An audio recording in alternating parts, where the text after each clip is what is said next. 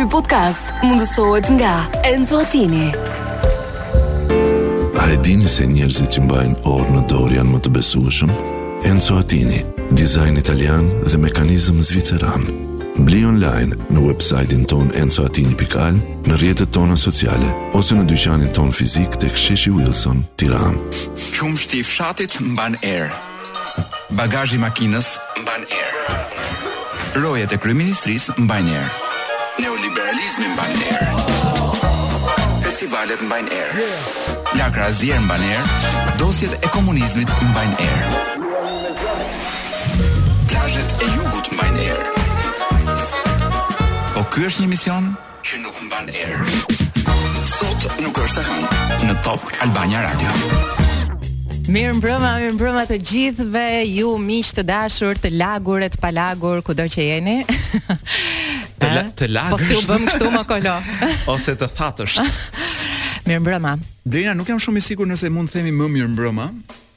Po, sepse kuptova që kur ne dalim, dielli perëndon mbi. Madje sot dielli do perëndojë pikërisht në momentin që ne do jemi duke shtypur ashensorin.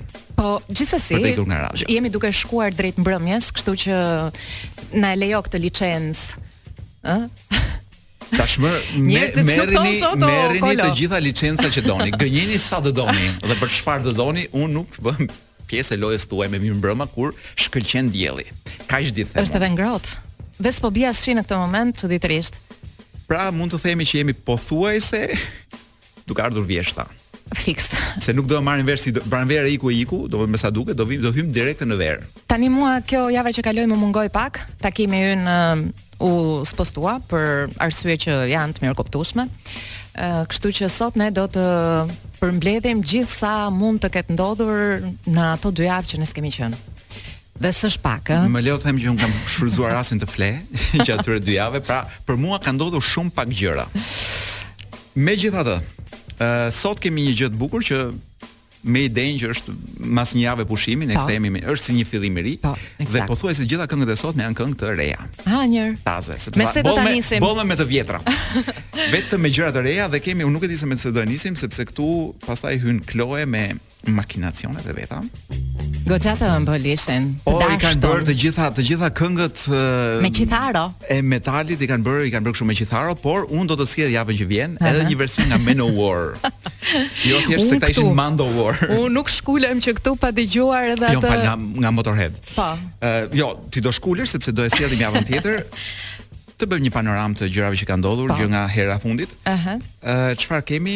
Janë dymbëdhjetë mijë vota të pavlefshme në Tiranë, nuk votuan për askënd, nuk e di a vlen të ndalemi te këto zgjedhje se unë preferoj që ta quaj si një tren bullgar që iku. Unë e thashë, unë ashtu mendoj Kolo. Kështu që nuk po ndalem shumë. Asnjë nuk është ndalur tek zgjedhjet, nuk e kuptoj pse duhet ta bëjmë ne. Po pra, sikur s'kemi punë të tjera për të bërë. Por mund të flas për Tiranën ku lexoj fjalinë që nuk e prisja kurrë. Thellohet pabarazia. Mes kujt ore? Mes Tiranës dhe qytezave të tjera të Shqipërisë. Mes të barabartëve dhe të pabarabartëve. pra, Tirana paska të ardhura për frym sa 134% e mesatarës. Pra, po, qofse, ka... qofse mesatarja shqiptare është këtu, ke toka, Tirana është ke kërciri, është çik më lart. Po pse ka akoma njerëz përtej Tiranës, a? ka ca njerëz që nuk u tregojnë rrugën për në Tiranë uh, ose, ose për, për në Gjermani. Për në Gjermani, për në Londër. Ose janë njerëz që po përpiqen, si me thënë, të ndërtojnë vetë një një ku di unë nga ato trap po. artizanal për të kapërcyer Lamanshin. Prit, prit. Po. Tjetër, Jo, do thosha që Tirana është e pabarabartë dhe pavarësisht se gjiza e Tiranës në raport me gjizën e ku di unë e qyteteve të tjera është më pak cilësore do thoja unë, por Tirana paska të, ardhur, të ardhura më shumë. Ë kemi unë edhe Unë them prit, unë them t'ia ulim Tiranës që të barazohemi me e, të pabarabartët. Unë them që gjithë Shqipërinë ta quajmë Tiranë. Dhe të ketë gjithë Shqipëria të ketë një kryetar bashkie dhe një kryeministër do ishim shumë të qetë. Oh, mrekulli. Në 2025 do jemi aty. Dhe nuk ka pse të bëjmë asgjë, se ja ku janë, se Për dy vjet, për dy vjet. Ë tjetër gjë lexoj unë këtu dëshmitarët e Jehovait. kam parë, kanë dëshmuar. Dëshmitarët e Jehovait kanë ngritur padi ndaj qeverisë. Jo. Ndihen aty ku nuk na mban asnjërit prej nesh. Dhe themi gjithë bobo se do më heqin nga puna, se do më bëjnë këtë, se do më bëjnë atë, atyre nuk u bën syri tërr. Kështu është kur beson në një forcë madhore. Mendojnë që janë të diskri me Jehovai nga mrapa, ata unë nuk e di si nuk futen në zgjedhje. Ë, uh, po edhe Jehovait këtu ia gjejnë anën në zgjedhje, po të duan, po. Ti që, po pse të diskriminuar nga? Nuk na financojnë. Ua, wow. pra ndërkohë që qeveria jep lart e poshtë për, për gjithë komunitetet që i duan, këta ndoshta nuk i duan se thotë po, po, po, t'i gjejnë vetë. Ku kanë vota këta? Ose qeveria nuk mendon që këta mund të ishin një, po themi, investim i mirë në kohë. dhe kanë depozituar një ankimim. Këta kanë bërë, jo prit, ja ta them tamam. Apo kanë hapur çështje gjyqësore tamam, se nuk e kuptoj. Këta kanë hapur çështje gjyqësore tamam. Ë dhe Departamenti i Shtetit, uh -huh. domethënë ka bërë edhe edhe parathënien, si me thënë për për Ah, do ta ndërpresim këtu. Departamenti i Shtetit kujt? I Amerikës. Ata që na qeverisin, domethënë kanë bërë një raport për lirinë fetare etj etj, ku është shpërfaqur edhe problematika me komunitetin e Jehovajve. E dashnorëve të, të e dëshmorëve, e dëshmitarëve të Jehovajt. Pas një blloku të shkurtër publicitar, mund të rikthehemi për të mbyllur pjesën tjetër të lajmeve të javë të dy javëve që kaluan. Të dy javëve që s'kemi qenë. Dhe ndërsa duhet ta pasurojmë listën e gjërave që mbajnë erë së fundmi në Shqipëri, Kolo, do t'i rikthehemi edhe një herë argumentit që lamë përgjysmë sepse kemi dy javë mungesë dhe duhet të paraqesim racionin e këtyre dy javëve që nuk kemi folur bashkë. Dhe kryefjala e këtij edicioni lajmesh janë dëshmitarët e Jehovait. Atëherë edhe një herë që ta kuptojmë. Dëshmitarët e Jehovait po. ndihen të diskriminuar. Po. Sepse qeveria është barabartë, pra edhe këta. Qeveria shqiptare pas ka marrëveshje me pesë komunitete, mm. le të themi marrëveshja është varje. Pra po. qeveria shqiptare ua var pesë komuniteteve dhe këta kanë kërkuar që t'ua varë dhe këtyre sepse konsiderohen Këta janë te kjo pesë apo janë të gjashtët? Kam përshtypjen që këta presin të jenë të gjashtët. Ah, okay. Apo? Dhe kanë kërkuar, meqenëse qeveria është në përgjithësi se ti kur thua qeveria derës kujt do i biesh. Hë. Dmth, një derë ka. Jo, ti, qeveria. Më shumë shanse ke t'i biesh derës së Rognerit me shpresën që do të dëgjojë dikush, sepse nuk ke se nuk afitesh dot te dera, se do të më ka dhe roje. Dhe kanë vendosur që Mund t'i biesh nga Amerika. Kanë vendosur t'i bien nga gjykata një herë. Ah, Kur dhe nga okay. gjykata nuk dëgjonte njeri, i bien çikë si nga Amerika. Aha, nga Dashi. Dhe po i bien çikë si nga Dashi dhe Dashi thotë po mirë këta të pastër, të larë, të mirë janë. domethënë. Njerëz të mirë janë. Aha. Pse mos ua var qeveria dhe këtyre? E qartë. Të shohim se ç'do të ndodhë. Bukur, do të Sepse mbetem në çështja pyetje. çështja ka vajtur pak a shumë tek ë, do t'ia varë këtyre, po don mund t'i bësh karshillëk dashit kaq shumë. Ku dashi le të themi nuk është dashi në këtë rast. Dashi është departamenti amerikan i shtetit, Pa brirë. I cili ka njerëz që mendojnë që de facto qeveris Shqipërinë. Me ca kukulla. Vijojmë, kam unë një lajm për të të dhënë. Nga ato që më hedhin nga karrigia është, të mban. Jo, jo, jo, të mban, të mban. Në kur ti lajm për Në prag të provimeve të lirimit bëhet fjalë, ka një studim që uh, thotë se 35% e maturantëve pranojnë se do të kopjojnë, ndërsa 78 për qind të tjerë sa të ndershëm. Janë të ndikuar nga ankthi dhe këtu ka disa gjetje të tjera shumë interesante. ë uh, 35% e maturantëve, siç e thash, pranojnë që do të kopjojnë, ë uh, ndërsa 58% shprehen që nuk do kopjojnë. 80%, 82% e maturantëve mendojnë se vendosja e kamerave dhe zhvillimi i provimeve të maturës në salla të mëdha është negative, sepse kështu do të zhvillohen këtë vit, ndërsa 10% po. mendojnë se është pozitive është gjithmonë një habi e madhe se si uh, shteti shqiptar mendon që problemet zgjidhen me kamera ose me teknologji. Kur thelbi është pra ti, nëse ti nuk i beson pedagogut që është në sallë pse, duhet i besosh të panjohurit që është mbas kamerave, është pyetja ime. Po Nuk e di është e njëjta pyetje që bëjnë edhe edhe, edhe maturantët, po. Ajo besoj që të shton këtë pjesën e ankthit, që është pjesë e pandarë kësaj përqindjes tjetër që numërova. Sepse ti nuk e di kurrë ato xhirime ku do dalin, ku do shpërndahen. Po, hë për hë e ke në xhep një herë. për të thënë ë, metaforë. Ë kjo është shumë interesante, 39% e maturantëve shprehen se kanë shumë pak besim se procesi do shkojë siç duhet. Unë ë, nuk e di, po këta më duken fiks qytetarë të së ardhmes të vendit tonë, që nuk besojnë në asnjë lloj procesi, edhe Dhe nuk e kanë filluar jetën akoma Dhe, të shkretët. pikërisht, Pra, shumë pa filluar interesante, jetën ti nisesh me idenë që unë nuk besoj asgjë në këtë vend. Eksakt. Nuk ka drejtësi, nuk është kjo, nuk ka ajo. Ë e dhimbshme është Blerina. Gjithë këto shifra më ngeli mendja te kjo e fundit e këtyre Sepse gjithmonë kur jepen shifra, unë mbaj mend vetëm të fundit. Ah, Por okay. vura re që kishte shifra të tjera që mund të ishin shqetësuese për ata që kanë memorie të fortë. Nuk po të ngacmoj me shifra të tjera që të mbash mend këtë të fundit. Nuk e di a ke dëgjuar një lajm unë shoh titullin pa? Po. dhe më kapin mornica. Po. Demokrati që fitoi Kavajën. Pra që këtu ti kupton që është njëri anonim ose ka qenë anonim dhe ndoshta do ngelet anonim. nga që është nga të rrallët që është fituar nga krahu. Prandaj ndoshta do mbahet emër. Po jo, është ai që fitoi Kavajën, pra po. nuk ka emër. Ëh. Uh -huh. E ftoi Ramën për kafe. Po. A di ti pse po ndodh kjo? E di. A mund të më ndriçosh dhe mua. Kollaj fare. Nuk e di nëse e fiksove ti, po një ndër gjërat që tha kryeministri përpara Ramën do e thaj, atë më fal, Kavajën do e thaj për ujë, do heq fonde, do heq ujin, do. Jo vetëm Kavajën, si... tha të gjithë, të gjitha bashkë. Ça do me thënë është Kavaja është krye, ai vetë është Sultan Murati dhe po i kundërshton. Ore kjo është e imja, Shqipëria është e imja, këto ky buxheti këtu është i imi, edhe ju të djathtë. Ju s'jeni të mit, ju këtu Kavajë vdisni, po. do vdisni nga një nga një vdekje e gjatë dhe avasht. po. Pra nga mungesa e asfaltit, e ujit, e shërbimeve Kështë sanitare. Ky shkreti, mendoj, kryebashkiaku i Kavajës është duke provuar tani së pari me të mirë. Po i thot, të keqen, hajt pimë kafe.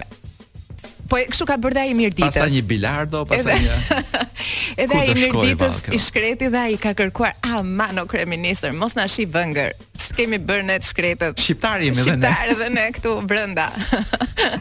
o sa sa është nuk është më shumë për të qarë, por ne qeshim se këtu në radio nuk nuk, nuk, nuk mund të qahet. Kështu e kështu e kam kuptuar unë po. paktën. Ë nuk e di nëse ke dëgjuar diçka për Enean. Renean apo Enean? Enean e e Enea e Rës. Renea i cili mbaj mend që në një nga këto mitingjet mbasi u shemb teatri bërtiste njëri sepse kishin futur Reneat në teatr uh thoshte Renea reparti për eliminimin dhe neutralizimin e elementëve të armatosur pra ah, këta oh. kishin qenë brenda në teatr ata që kishin kostumet e po Renea që hyrin në teatr duke thënë që hajt t'i masakrojmë ku janë këta armiqtë e shtetit Befas ka kuptuar që Edhe ata vetë janë mashtruar. Nga kush, ore? Na kanë mashtruar me pagat dhe gradat. dhe kanë paralajmëruar protestë. Pra, tani çështja është jo se këta bëjnë protestë. Ë do bëjnë si këta të teatrit me armatime dhe me gjithë gjërat që duhen protestën? Do vin apo do dalin me duar në xhepa? Kush është mbi Renean? unë jam kurioz, s'e di kush do e mbajë, pa kush janë ata policë që i do i dalin përballë Reneas dhe A dalin këta me maska? Apo është shumë serioze, mos qesh deri na. Jo, e kemi ato forca, organizata forca e ligjit. Është siç ishte një organizëm që lindi dhe vdiq kam përshtypjen shumë shpejt ata mund t'i dilnin përpara këtyre. Ë nuk do të ndoket ndekur shumë shpejt si flutura e majit. OFL-ja. OFL e dëgjuam një herë sepse ishte një periudhë që shkonte kudo. Jo, që kryeministri loste Grand Theft Auto auto në në zyrë, edhe ku do kishte qenë. Gjavë të zëço. Kishte edhe kontekst kombëtar për lojën që bënte. Ë uh, ose loste komandos ndoshta dhe donte kontekst kombëtar dhe donte që gjithë Shqipëria të ngjante çik si ajo fusha e lojës së komandos. Eksakt. A mbaruam? A baba na preu prapë. Mirë. Po se nuk... kemi prapë, kemi prapë. Kemi dhe një një orë e gjysmë. Mirë. Kisha dhe një lajm që mund ta diskutojmë pak më vonë, po, po. kryesore thagmat e vërteta po, ishin këto. Po, po. Jemi kthyer me te diçka që mban vërtet erë, sepse libri mban erë. Mbylleni radion tani. Ju ftoj t'i bashkoheni radios mbas 7 minutash, është sepse jo thjesht se po lexojmë librin, ose njerëzit e duan librin, ta dëgjojnë, pra ndoshta nuk kanë kohë dhe energji dhe dhe nerva që të lexojnë, por ama libri i dëgjuar është shumë në modë. ë Kështu që ne do lexojmë një libër, po them që parathënien e ka nga Fatos Lubonja. Është eh, libri i Vincent W. J. Van Gerven Oei. Mhm. Mm uh, unë i them Vincenti se këtë pjesën tjetër mbrapa e kam çik po, vështirë t'i lexoj të gjitha. Ky është një djalë holandez, mm -hmm. i cili ka që nga 2010-a që jeton në Shqipëri, ka ah, ardhur. Po, jo, po. Po, po, po. Mos gaboj ka ardhur për të bërë tezën e filozofisë, ku di unë dhe ka ngelur i ka pëlqyer shumë Shqipëria, ka ngelur këtu. Pastaj me kalimin e kohës është dashuruar me vendin dhe me shqiptarët. dhe është futur brenda halleve tona dhe shkruan vazhdimisht gjëra për Shqipërinë. Ë është një një djalë tepër inteligjent do thoja unë, edhe ka. Se mos do të na rregullojë ky, ore. Ka dhe një luks. Hë që ne s'e kemi. Që ka pasaportë holandeze. që është holandez. E po pra, dhe ka njëfe dhe një tjetër. Dhe mund të thotë dhe mund të shkruajë atë që mendon. Dhe nuk është i vetmi ky. Dhe nuk ka hallin çfarë do më bëjnë, nga ku do më heqin. E rëndësishme është mos futet në politikë. Botimi është nga Pika pa sipërfaqe, çmimi është 1500 lekë të reja. Mhm. Mm Titulli është i librit është Rënia e së ardhmes. Mhm. Mm Arti, korrupsioni dhe fundi i tranzicionit shqiptar. Pse, ka mbaruar? Jo, ky ky më beson që që tashmë jemi, jemi në fund të tranzicionit dhe po hyjmë në një botë reale. Hajde ta dëgjojmë. Ë po lexoj një kapitull që është një shkrim i shkruar nga nga Vincent Van Gerven Oei në në 27 dhjetor të 2019-s. Mm -hmm. Mësime nga studentët. Hajde. Gjatë ditëve të fundit kam pasur privilegjin të jem në disa takime të njërit nga shumë grupet e studentëve që po organizojnë protestat studentore dhe po rikonceptojnë sistemin universitar shqiptar. Mm -hmm. Protestat studentore patën nisur më herët në dhjetor dy mijë e tetëmbëdhjetë me ç'u duk si përgjigje e drejtpërdrejtë ndaj rritjes së tarifave studentore, por në pak kohë ngërthyen një gamë të gjerë çështjesh, përfshi ndihmën financiare, cilësinë e arsimit, korrupsionin, mirëmbajtjen e konvikteve, plagjaturën dhe përfaqësimin e studentëve. Përgjigjja e qeverisë fillimisht pati për qëllim t'i përçante duke i lidhur me grupe të ndryshme politike të rinjsh dhe duke futur mediat e zellshme pranë saj që të zbulonin kontradiktat e brendshme në thonjza. Pavarësisht opinioneve të ndryshme për çështje si vendndodhja dhe forma e protestës, Studentët qenë në gjendje të artikulonin qartë kërkesat dhe mënyrën se si ato duheshin përmbushur dhe rezistuan përpjekjeve për t'i tërhequr në politikën destruktive partiake. Qëndrimi i tyre kundër në thonjza politizimit të protestës, pra kundër përvetësimit të protestës nga partitë politike, tregoi se ia doli të zinte vend. Mhm. Mm Çka pasoi gjatë kësaj proteste që ende vazhdon, Çka pasoi gjatë kësaj proteste që ende vazhdon, ishte një varg i pambarimtë dhe gjithnjë më pak e më patetik memesh, kërcënimesh dhe përgjërimesh për dialog nga kryeministri Edi Rama, ndërsa qendra e tij lavdiplot për hapje dhe dialog i mbante e frikësuar të mbyllura grilat, teksa studentët ngrinin zërin atje jashtë për të drejtat e tyre. Siç e shprehu njëri nga studentët refuzimin e tyre për dialog dy pika. Si studentët ashtu dhe kryeministri nuk e kanë përvojën e nevojshme akademike. Kjo do thotë se në gjendjen e tanishme studentët mund të kenë vetëm kërkesa. Ne nuk mundemi të bisedojmë për diçka që në fakt nuk ekziston. Së radhe, kryeministri nuk është ekspert arsimi dhe nuk është në pozitën për të bërë deklarata të atilla, pra për reformën e arsimit. Ai nuk e ka kualifikimin për këtë punë. Pra ky citon njërin nga studentët. Me fjalë të tjera për me refuzimin e dialogut, studentët po pohojnë se u mungojnë njohuritë, se kanë dëshirë për arsim dhe vullnet për të mësuar. Ata ia njohin vetes dobësinë dhe veprojnë në përputhje me këtë. Kjo është një formë e njohjes së vetvetes që shfaqet rrallë në skenën politike. Megjithatë Rama dhe cari i propagandës Endri Fuga orkestruan një sërë programesh spontane me studentë në thonjza, Në disa kanale televizive, protesta që i demaskonin në Twitter, madje njëri nga studentët që po, mm, ishte i freshit e tjera tjera, të kaloj çikë më poshtë, i është prishur, uh, mm, ndërsa, ndërsa arritja e dytë e lëvizjes studentore është ndoshta akoma më mbresëlënëse dhe një burim shprese të vërtetë. Arsyeja sepse ishte e pamundur që ndonjëra nga partitë politike, qoftë nga qeveria apo nga opozita, ta shtinte në dorë protestën dhe ta kthente në modelet seri, parafabrikat të antagonizmit, ishte se në thelb ajo nuk kishte udhëheqës. Sigurisht që sa i përket përfaqësimit mediatik, disa studentë ishin më të spikatur se të tjerët, por asnjëri nuk pretendonte ndonjëfarë autoriteti. Secili fliste në emër të tij, Çka thuhej qartë dhe në kushtetutën e tyre. Pika tre, nuk kemi përfaqësi. Nuk kemi kryesi, etj, etj. Pika tetë, të gjithë ata që flasin në media janë përfaqësues të vetes dhe jo përfaqësues të studentëve. Mungesa e një drejtuesi kryesor të lëvizjes studentore ka rezultuar në dhjetëfishimin e grupeve studentore që takohen në bare, shtëpi dhe në salla konferencash dhe janë të lidhur me shoshoqin përmes grupeve të shumta në WhatsApp. Mungesa e hierarkisë do të thotë se në kuptimin burokratik Ata nuk janë efikas, por megjithatë, lëvizin me shpejtësi dhe janë në gjendje të shpërndajnë idetë në një kohë të shkurtër. Madje dhe kjo është thelbësore, duke qenë se nuk kanë kënd në krye, nuk ka as krye për t'u prerë. Dhurata e tyre më e madhe për popullin shqiptar deri tani është ndoshta pikërisht shfaqja haptazi e hierarkisë së sheshtë, të cilën po ia plasin në fytyrë klasës politike, që arrin të mendojë vetëm në terma të performancës histerike për pushtet.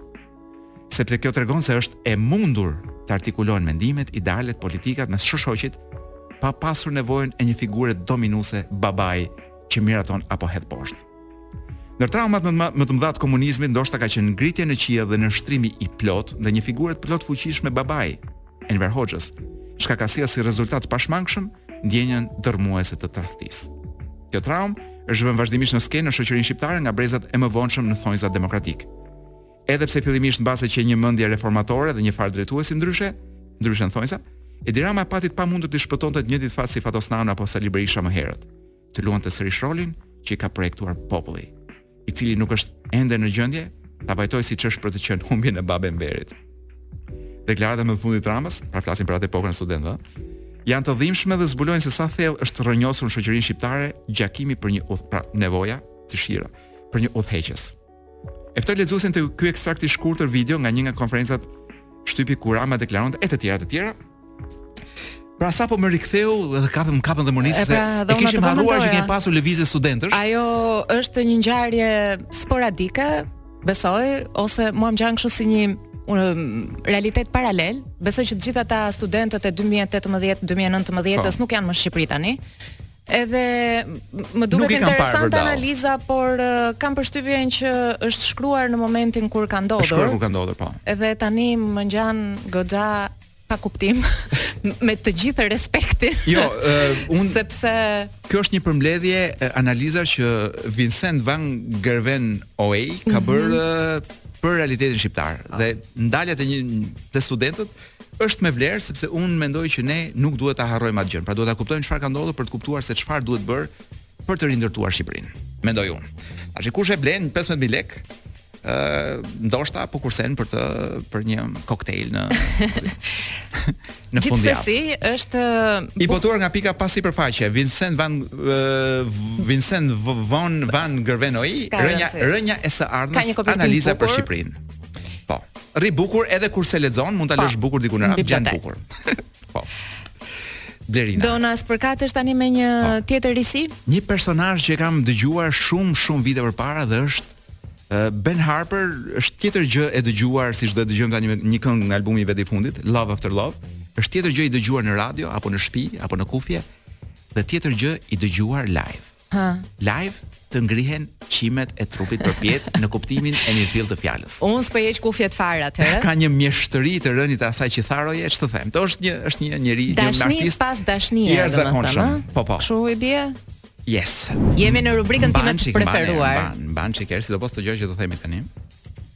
Sepse do flasim për 10 mënyra se si të të gëlltisim Jo, pra unë mendoj që ndodh ndodh ç'ndodh gjatë zgjedhjeve, unë mendoj që ne duhet të bëhemi të fortë dhe të të rindërtojmë jetën. Që ta kuptosh, Kolo, jemi vetëm ne të dy që vazhdojmë dhe flasim për këtë gjë. Oh, po. Tun, a, ja. pra, ma, okay, kam, pra, nëse kjo që do themi tani 10 Si të kthehemi në normalitet? 10 gjëra që mund të bësh pas zgjedhjeve, po. unë besoj që jemi akoma në kohë për të bërë apo jo. Atëherë, së pari, faleminderit Lorencit me F.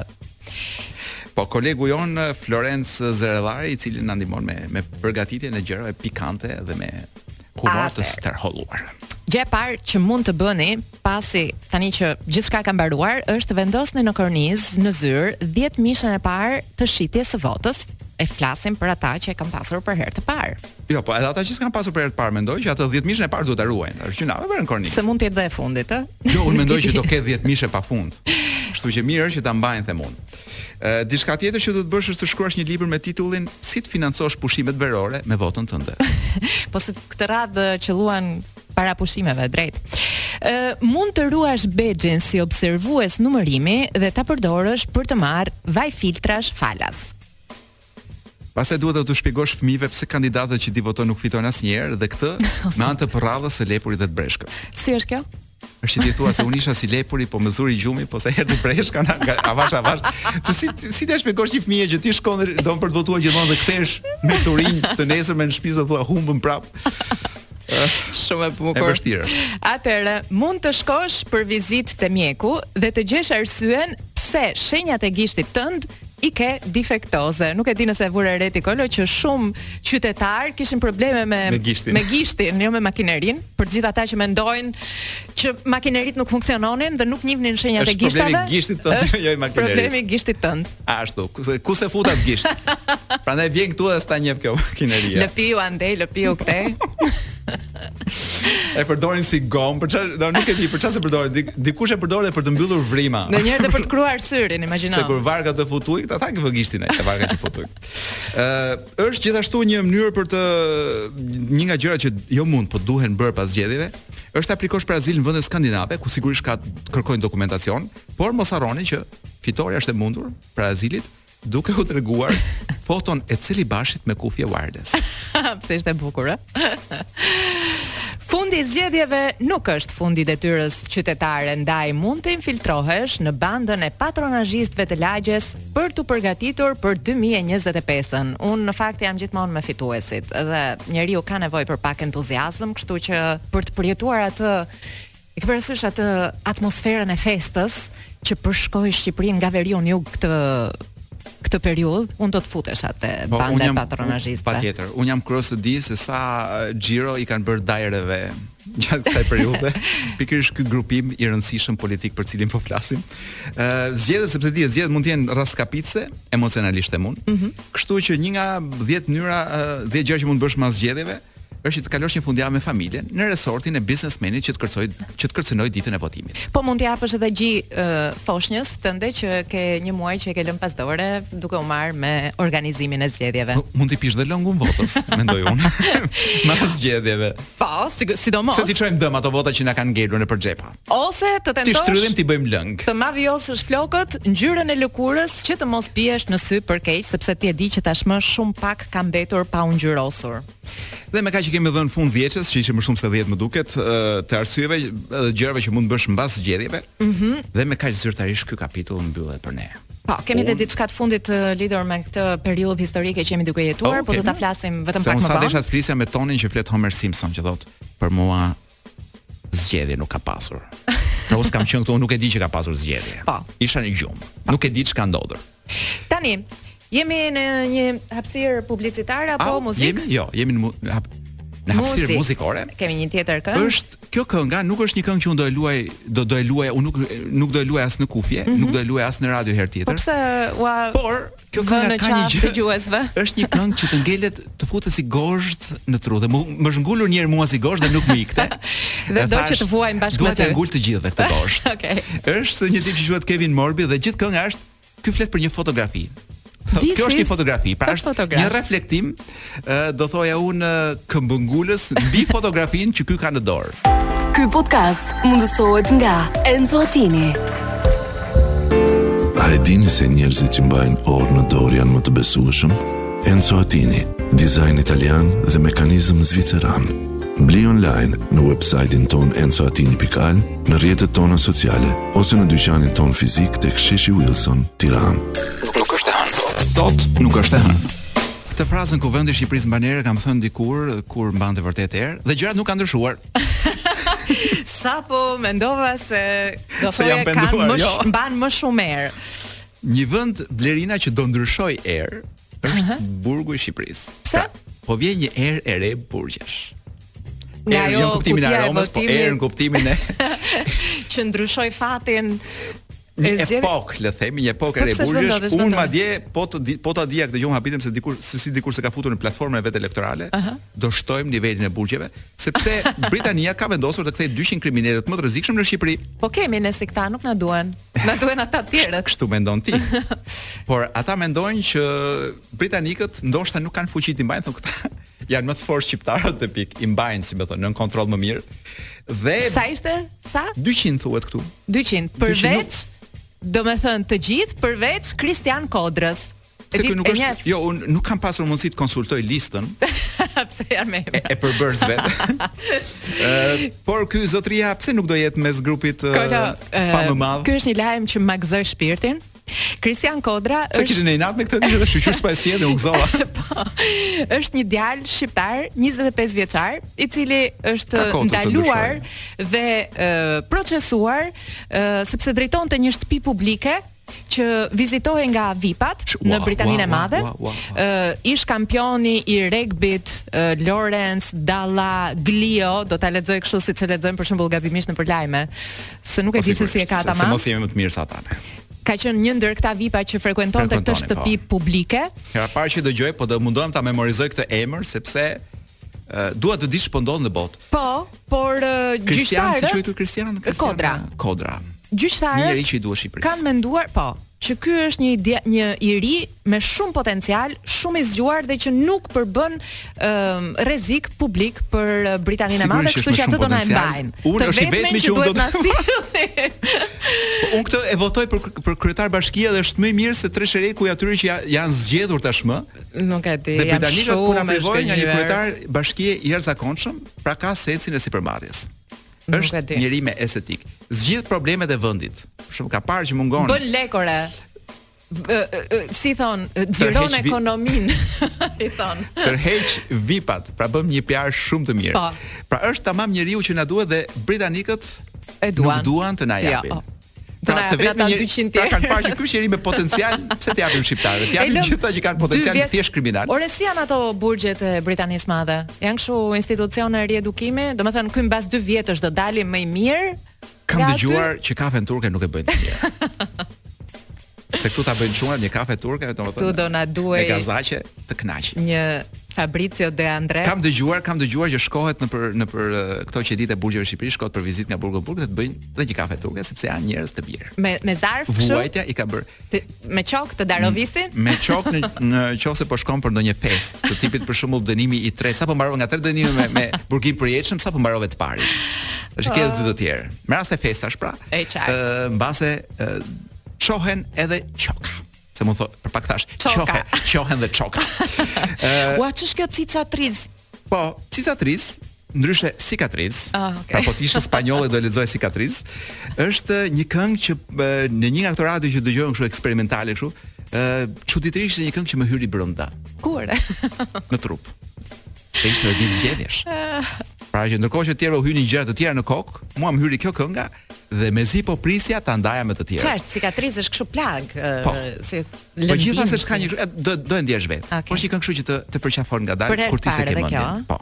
Është për herë të parë në në në radion ton dhe besoj gjithë radiot e Shqipërisë, po. Ë ky burri mund ta ketë bërë kur ka qenë 3 vjeç si Mozarti. Po, ç'na pret tani? Po tash kështu mendojmë ne, po. Mbajnë, mbajnë erë. Tani na pret përballja me pra, ajo gjë që s'e bëjmë kurrë, pra që të hapim gojën dhe shofim gjuhën tonë. Ë ne do hapim gojën dhe do shohim do dhe do nxjerrim fjalorin e gjuhës sotme shqipe. Ë të cilin e kam në mënyrë elektronike për me demek për të mbajtur shënime më kollaj. Por edhe pse radio nuk ma jep në përdorim se ka frikë mos u gris fletët e fjalorit për letrën që kanë dhe mbajnë gazetarët ë në newsroom. Kemi ngelur te A-ja. Jemi tek A-ja, po unë tek A-ja kisha harruar të vija shenjën, edhe pse pikërisht e mbaj elektronik për të vënë shenja. Uh -huh. Por po shkoj me mendje aty ku kujtoj se jemi. Ashik.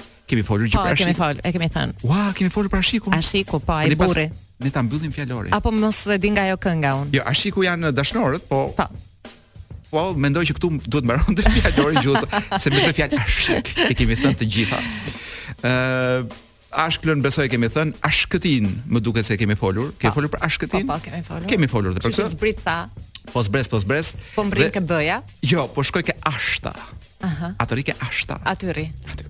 Që nuk është ushta. Jo, kemi kohë deri te ushta. Ashta është në botanik është një uh, jo, ashta në radhë të parë janë eshtrat. Dialektore? Jo. Jo, nuk ma thot dialektore këtu. Pra, ashti i krahut apo lugë ashti, pra lugë e bërë me kockë. Pra nuk nuk themi lugë e bërë me kockë, por lugë ashti. ë pa iu pjekur ashti, pra nuk është forcuar akoma kocka.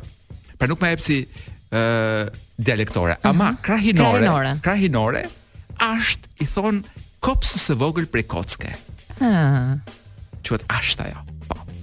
E, i ka, e, kemi pasaj e shprej që i ka shkuar thika në asht, pra dhe në kockë, e, por ashti është edhe bimë barishtore njëvjeçare, e livadheve me gjethe të vogla të rralla në trajtë vezake me lule ngjyrëvjollcë dhe me kërcell degëzuar që kur këputet lëshon një lëng të bardhë. Sa më shumë e thua, aq më shumë më duket sikur e kam dëgjuar gjithë jetën. Unë duket sikur kam thyer po, asht gjithë asht gjithë kohën. Uh, ashta mund të jetë edhe ahishta. Ashtërimi është eshtërimi, pra ka të bëjë me eshtrat. ë do thellohemi kur shkojmë mm -hmm. tek mhm. eshtrat. Pra kemi ashtëror, eshtër, pra është gjithë forma që ka eshtërori i kemi edhe tek ashtërori. Mm -hmm. Ashtu që dim, ashtu ashtu është një tjetër ë uh, ndaj ashtu, ashtu. ashtu ashtu është një ndajfolje të cilën as mirë as keq domethënë. Po, në një farë mënyre, po. një farë soj etj etj. Dhe ecim më poshtë se dua të shkoj tek Atllarët. Ati është ose at, pra ati Shumësi. apo atllarët në shumës është një kalë shale. Atllarët. Pra, kur kemi një at, pra që është një kalë shar, shale, i themi ati. Ëh, uh -huh, kur kemi, kemi shumë janë atllarët. Shi, shi, shi, Kur kemi dy, po themi, dy atllarë. Wow. Ë, pra shaloj atin kur themi i hipi atit ose shaloj atin, ndoshta nuk e ka për babain. Mund ta ketë, Mund ta ketë edhe për kalin. Ë at është gjithashtu njeri i fuqishëm dhe i shkathët, njeri i zoti për punë. Ë kaq më jep mua ke ati e dashur Blerina. Përveç eh, pjesës fetare që ku di un. Po. E dim. E dim. Ë kemi atavizmin, eh, nuk dua të ndalem aty, kemi atdhesin, më duket bukur, pra kemi atdhemohuese nga me atdhe kemi pafund, kemi atdheun, kemi dashës, ë uh, atdhedashja, atdhedashuri, atdhemohues, që shumë e bukur si fjalë. Pra sa shqiptarë atdhemohues kemi. Domethënë atë që ka dashur një fjalë e po, po, tillë. Po, po, po, po gjithë këta që ndërrojnë që heqin pa, pas, japin pasaportën shqiptare për një. Nga halli ore.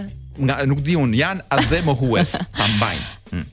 kemi edhe në në në në në gjuhën poetike kemi atdhesi që është atdhetari, fakt po shumë e bukur kështu. Mm -hmm. Atdhesi. Se duket sikur vjen nga atdheu kjo gjë, atdhesorja dhe kemi dhe atdheshitësin. Dhe uh. atdheshi, ua, sa kemi këtu. Kam dëgjuar që në çdo qeveri shqiptare ka të paktën një spiun të një fuqie të huaj në jug të Shqipërisë, që nuk e them cila është. Po edhe në çdo qeveri të huaj ka një spiun shqiptar ama. Sigurisht. Sigurisht se ne kështu nuk të falim. Kur vjen puna për spionlliqe, për barazi. Po mos, do doja për ta mbyll, ta mbyllë këtë pjesën e e, e atër e etër. Pra, ke edhe 3 minuta po deshe për të shurdhuar. Sa kemi? Ose për të lënë, për të damllosur të gjithë dëgjuesit. Le tim pim, le tim pim. Ose për të fikur të gjitha radiot. Mua pëlqen, më pëlqen shumë ndaj folja atbotë. që uh -huh. thot atëherë, uh -huh. atbotë. Po. Uh, kemi një fjalë që s'e përdorim më po turp na qoftë. atëçastshëm. Oh, shumë e pra, gjatë. Pra, diçka që ndodh pikërisht në atë çast që bëhet menjëherë, aty për aty, i menjëhershëm. Pra, Veprim i atëçastshëm. Ky është një emision i atëçastshëm. Po ti e ke e dëgjon sa bashkëtingëllore ka. Janë atëçastshë. ne jemi të as të të atëçastshëm. Atë çast mas atë çasti. Ë uh, kemi atëditshëm. Pra jo vetëm për uh, çastet mund të themi atëçastë, po edhe i atëditshëm. Ë uh, kemi edhe atëgjysh që s'para përdorim, por që është babagjyshi. Pse t'i themi babagjysh? Që është gjyshi, thjesht. Babagjyshi ngjan shumë atë babaxhëm që i thon turqit. Ja. Po të themi atëgjysh. Duket sikur s'e kemi. Atëgjysh, o atëgjysh. Po, Pra babagjyshi, pse t'i themi babagjysh kur mund t'i thoshim shumë bukur? Ore, kur thua babagjysh e ke fjalën për atë të vitit të ri, të Krishtlindjeve, apo për gjyshin? Jo, ka ka edhe fëmijë që sidomos në këto fiset e mëdha që ka një gjysh të madh i cili është konsiderohet si mund të jetë stërgjyshi, mund të jetë para është gjyshi i të gjithëve, gjyshi i babës ndoshta. Edhe thon babagjysh. Dhe mund të quhet babagjysh. Ë, uh, ne nuk e di pse ja kemi vënë këtij me me me veshje të kuqe dhe me dhe që vjen me ato ë uh, kapele, me drer. Dhe vjen me drerët sepse i bie që ngatrojm njeriun që na ka, si më thon, që ka pasur marrëdhënie seksuale me gjyshin e babit, e ngatrojm, pse nuk e di pse e fusim në familje këtë me me rroba të kuqe. Ë, Dhe po zbres tek fjala atëlosh. Atëlosh? Atëlosh. Po. Ë, uh, i cili është prapë emër me cilin thirret gjyshi ose ndonjë plak në shenjë nderimi. Pra babagjyshi. Pra, kupton ti ç'a mund t'i bënim babagjyshit neve Blerina? Kemi ngel tek babagjyshi kur kishim gjithë këto fjalë. Atëlosh, po. atgjysh. T'i themi atëlosh. Ë, uh, shumë bukur që janë këto. Do përpiqem ta përdor. Edhe pse jam në një pikë të jetës time kur kam shumë pak njerëz që mund t'i thërras atëlosh. Dhe mbi të gjitha do të përpiqesh të vësh një shenjë aty në një farë mënyre që ta rigjesh javën që po. vjen, të hënën tjetër. Ë sepse ka ardhur momenti që të na thuash me çfarë këngë do të Sa po shkoja tek atuja, por Tek atuja do doja të ndalesha gjatë javës që vjen. Pikërisht. Kështu që tani jemi me çike këto. Është kjo është një këngë Blerina që mezi e kemi gjetur. Gjysma tjetër. Një javë. Ky është një grup italian, por që në fakt performon dhe bazën e kanë në Gjermani. Po, pra prandaj s'i njoh. Unë dyshoj që janë nga këta atdhemohuesit italianë. pra që kanë lënë Italinë dhe na po këndojnë italisht. E kanë kokën të rruar këta? Dhe është një nga këto këngët me prerje venash, Ah, okay, Nuk kam pasur fatin t'i njoh kështu nga Unë do të googloj direkt. Vizuale, të lutem, quhen në Cruci Gang. Por seç ka një kështu një një si helm që të hyn kështu lehtshëm nëpër trup. L'altra metà. Uh, kjo këngë është në italisht dhe thotë kur të ikën dashuria prap të ngelet gjysma. të ngelet ajo gjysma tjetër. Dhe meqënëse i kishe veçanërisht merak zgjedhjet sot, Kolo, dhe meqënëse gjithashtu ti ke veçanërisht merak edhe fjalorin e gjuhës sotme shqipe, që është dhe i së djesme, djeshmes, ke merak po, alfabetin, po. alfabetin, analfabetin, po, të po. gjitha këto gjëra që kanë lidhje me gjuhën. Do më lënë pa gjuhë në atëm, po. Unë dua që sot në rubrikën tonë të citatit javës, që do të jetë edhe citati i këtyre dy javëve, të sjell një refren të zgjedhjeve, sepse për fat keq në fakt nuk kemi pasur shumë citate ose thënie të mençura, thënie që kanë goditur dhe kanë Arsyeja ishte shumë e thjeshtë, Lerina. Liderët e mëdhej vendosën që të ishin vetë krye kryebashkiakët po. dhe të mos i linin njerëzit që kishin propozuar që të flisnin. Pra exact. folën vetëm vetë, As nuk kërkuan. Dhe ne nuk dëgjuam nga askush nga të zgjedhurit ose nga ata që votuan, nuk kemi dëgjuar një fjalë. Pra të merrnim vesh kë po votojmë. Fjala është shpenzim i madh. Uh, unë kam parë duke kërcyer, por nëse çon si ka se tani nuk ka më uh, vlerë dhe nuk ka më kuptim të merrem me atë. Gjithsesi tani mua ajo që më pëlqeu më shumë dhe që e kam parë në fakt që ka, ka zaptuar mediat sociale është bërë viral është fjalimi i një prej bashkiakëve të Vorës që kam përshtypjen që edhe fitoi i cili shpjegonte ose donte të shpjegonte gropat septike, duke i quajtur gropa skeptike. Gropat septike. Ë një arsye të fortë ka pasur për këto gropat skeptike që ka Kam përshtypjen që do do të përmirësojë kushtet e jetesës në uh, institucione të ndryshme, edhe Unë nuk besoj që këta flasin kot, pra unë mendoj që ai ka një arsye pse i thotë gropë skeptike. gropë septike. Po. Ë sepse ndoshta ajo gropa as nuk ekziston. Pse mos jemi skeptikë Lerina për këto lloj gropash? Jo, pse mos jemi skeptikë? Ne pse nuk duhet të pse mos jetë një gropë skeptike që nuk dihet, nuk kemi kemi dyshime. Ka s'ka gropa aty. Atëherë Kolo, që nga këto zgjedhje ne nuk mund të jemi më skeptikë, ne maksimumi do të jemi septikë. Atë dhe... patjetër se atë fjalën septik ne nuk do e lëmë jetime rrugëve. Do i gjejmë përdorim. Dhe... Pra është një ishte një rokadë më se nevojshme. Eksakt. Pra kishte ardhur koha që këto dy fjalë të ndërronin vendet. Nga këto zgjedhje tutje ne kuptuam që gropat nuk do të kenë më asnjë lloj dyshimi. Dhe ka dhe kuptim sepse vendi do mbushet me njerëz septikë. Pikërisht, pra atë doja të thoja. Pra kushdo që ka një pikëpyetje është një njeri septik. Kjo përmbysje këtu gjithçka është e qartë, është si me thënë siç na jep Kështu që unë po të lexosh mes rreshtave kryebashkiaku i Vorës ngjan gati si një njeri që vjen nga e ardhmja, edhe na thotë atë që do të ndodh. Pikërisht. Sa desha të thosha që është një qitje e largët. Që tani ne nuk e kuptojmë mirë, por në të ardhmen unë mendoj që septika dhe skeptika duhet patjetër të ndrojmë vendet. Unë nuk jam më dhe, skeptike. Dhe Blerina mendoje realisht këtë gjën. Ne nuk dimë sa gropa ka ky vend. Duhet jemi skeptik për ato gropa. Duhet gropat e këtij vendi që ne mendojmë dhe flasim se ankohemi gjithë kohën. Po. Ne duhet jemi skeptik, nuk mund ta kemi kot. Skeptik. Atje mund jo, jo ne duhet jemi. Shikoj, gropat janë skeptike thashë. Neve pastaj. Ne duhet jemi skeptik. Për rrjedhojë. Jo, ne duhet jemi. Neve jemi septik. Ne jemi. Dhe mirë, dhe ta mbajmë atë fjalë. U bëfshim gropa, pra. Kush jemi ne që, që ngremë pikëpyetje, ekziston gropa apo s'ekziston gropa? Neve, kush jemi ne? Septik pra jemi. Jemi më keq se sa ajo gropa. Tani un besoj që kuptimi i këtyre dy fjalëve do të jetë i përmbysur i i, i ngatërruar përgjithmonë, ne do të rrimë disa çaste të mendohemi përpara. Nuk do, nuk do arrijmë dot kurrë më t'i ndajmë nga njëra tjetra. Eksakt. Ke parasysh kur thua i mbrekullueshëm dhe ti e thua për të tallur, për të tallur, pastaj kupton që po e përdor për ditë këtë fjalë gabuar, në mënyrën e gabuar. Ose kur thua që kshu, për të tallur. Është e vërtetë që fjala dhe këtu po flas me seriozitet shumë të madh po, te shqipja ti di që un bëhem shumë serioz kur vjen po. puna te shqipja. Një nga format më shëmtu më të shëmtuara të përdorimit shqipes është kështu që ta përdorësh që kështu. Dhe shumë njerëz rrotull meje e kanë përdorur për gallat, për treguar shiko ç'thonë të tjerë, do thonë që kështu, dhe u ka ngelur. E tani kështu qëja nuk bashku... ekziston më në Shqipëri. tani kemi vetëm që kështu që, që kështu si e. Që kështu, së bashku me mrekullueshme, së bashku me jinxe dhe një sërë fjalësh të tjera të shtrembruara, ë do të zgjerohet. I bashkangjitet motra tyre me... më e vogël, më e re dhe më e njomë Septikja, pra njerëzit septik dhe gropat skeptike. Kështu që unë do i shtrëngoja dorën atij njeriu thjesht për faktin që na krijoi, eh, si me thënë, mundësinë që të të shohim të ardhmen. Eksakt. Pra na tregoi, na tregoi, tha ja. Ja vjen. Ja, është është si Mojsiu në mal Blerina, se çfarë bëri Mojsiu më shumë në mal. Nuk e di. I tha popullit të Izraelit, ja ku është e ardhmja atje, s'e besonin ata e po tash. E po më fal, të lutem shumë. Tash kemi një këngë, do thoja unë septike. Un jam shumë septik për këtë këngë që vjen Blerina. Kënga është skeptike, ti je po, septik. Po, Akoma sepse... nuk e ke mësuar si duhet ta përdorësh shkollë. E kam e kam vështirë të E di, duhet pak ditë sa të hysh në atë. Më jep pak kohë. Po, dakord. Më lini të të, të t'i bashkëngjitem Shqipërisë moderne po me ritmin tim të ngadaltë.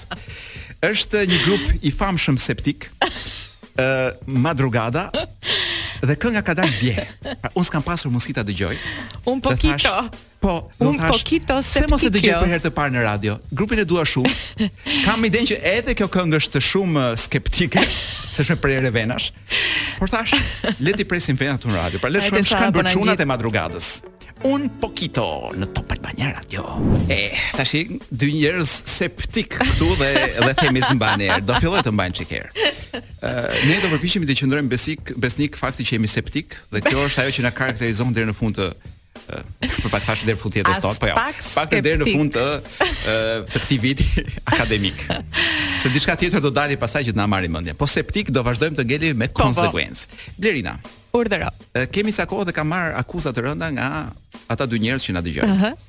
Çfarë thon ata? Ata që dy që na shkruajnë se për të na dëgjuar janë tre. Janë tre. po, nga këta dy që jo, është ai treti në fakt që që nuk na shkruan, po m'u ankua verbalisht dhe ka thënë ore dikur na jepni edhe ca leksione seksi. Do të thënë, pra... njerëzit mendojnë që ne flasim, jo, ne flasim për shkencën. Jo për seksin, e vërtetë. Po, sigurisht ne flasim për shkencën. Dhe dhe shkenca së fundmi. Konkretisht kemi një një lajm shumë të mirë për të gjitha zonjat. Ëh.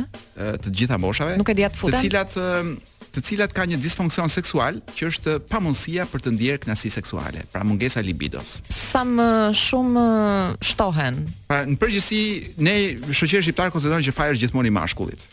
Por mashkulli nganjëherë një, po themi, nuk mund t'i afrohet një ahishteje dhe dhe ta bëj ose një si ia thamë emrin një atë një atë gjysh jo uh, si ia thamë atit më sa atloçe një atloç atloç atloç një atloç pra njeriu një nuk mund të afrohet një atloçi edhe të përpiqet ta bëj atloçin të ndjej sepse atloçi ka kaluar moshën kur mund të ishte aktiv ne presim gjithmonë që ta bëj njëra pal Ne ngatërrohemi pra, shumë, na thuaj studimin. Studimi është që e, për këtë gjë që është disfunksion seksual, pra pamundësia për të ndjerë kënaqësi seksuale, pa.